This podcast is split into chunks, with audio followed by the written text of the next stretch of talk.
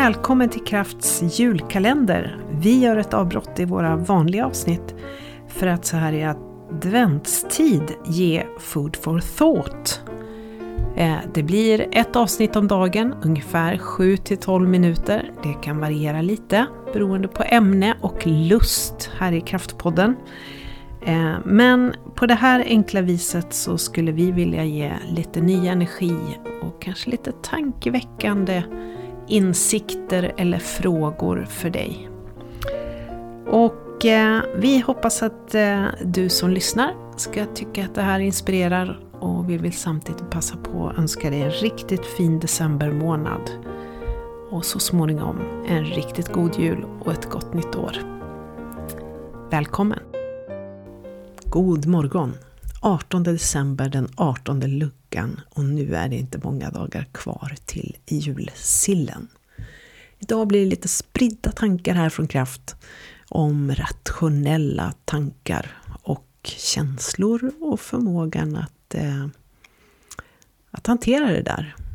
Rationalitet och att vara rationell och logisk, det primeras ju på jobbet inte minst. Eller överlag faktiskt. Eh, att kunna ha en korrekt uppfattning om verkligheten, fatta beslut baserat på att man har förnuftiga tankar om någonting, har analyserat och har fakta och så vidare.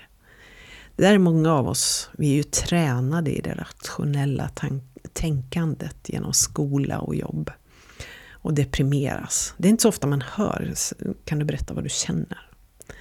Eh, det är ju någonting som vi pratar mycket om i coachrummet och eh, även med ledare och ledningsgrupper. Ja, men hur känns det? Vad händer med mina känslor och så vidare? Återkommer till det. Eh, bara för att vi är rationella betyder ju inte det att vi tänker nytt. Ibland lurar vi oss själva genom att tro att bara för att vi tänker logiskt, vi tar vara på fakta och eh, förnuftiga eller låter förnuftiga så är det bra. liksom. Men allt för ofta så möter jag ledningsgrupper, ledare, där man tänker rationellt och förnuftigt på många sätt, men man tänker samma tankar som man alltid har gjort. Eller man tänker om detaljnivå på ett sätt som man alltid har gjort.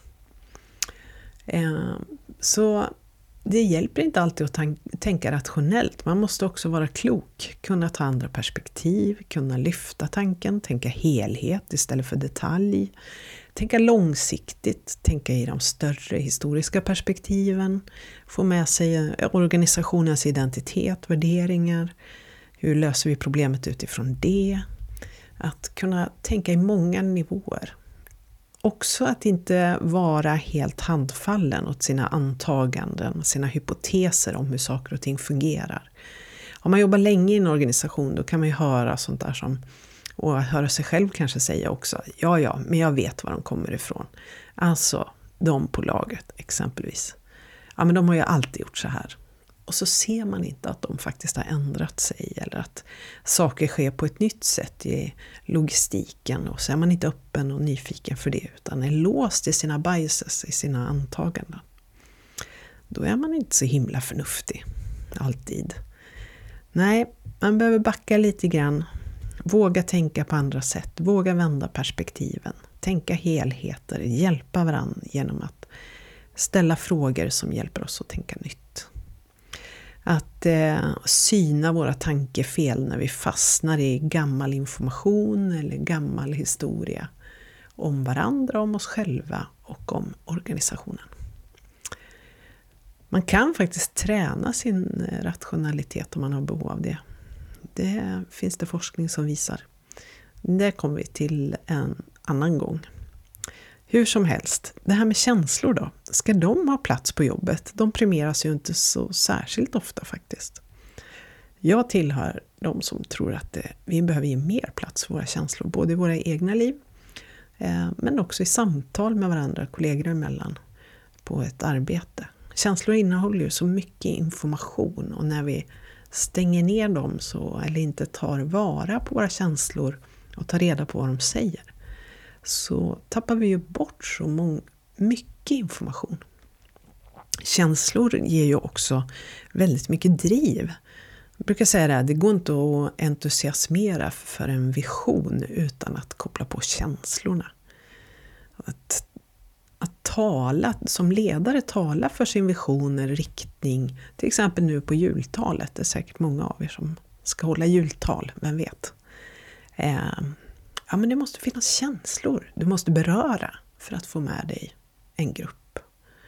Så känslor är ju otroligt viktiga i, i samtal och i jobbet. Däremot betyder ju inte det att man får hantera sina känslor på vilket sätt som helst eller att man bara får släppa lös dem och bli superarg. Och man måste ha koll på sitt beteende, vad det skapar och förstå vad lämnar jag efter mig i rummet, som någon sa, eh, med mina känslor. Och sitter jag, det, jag bara och kokar inombords så kan jag naturligtvis vara ganska övertygad om att det märks. Det skapar energier i ett rum. Nej, vi behöver klara av att sätta ord på våra känslor på ett hälsosamt sätt tror jag.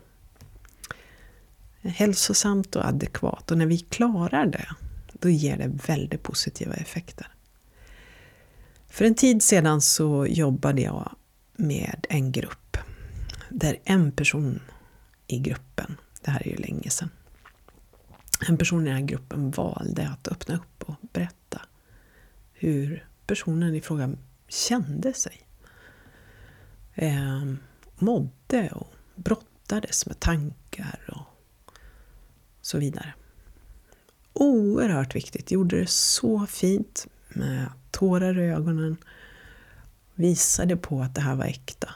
Släppte fram en del av det som kändes inombords. Tillräckligt för att alla skulle förstå allvaret och känna av vikten av omtanke och omsorg det satte den gruppen i en helt annan situation. På ett positivt sätt.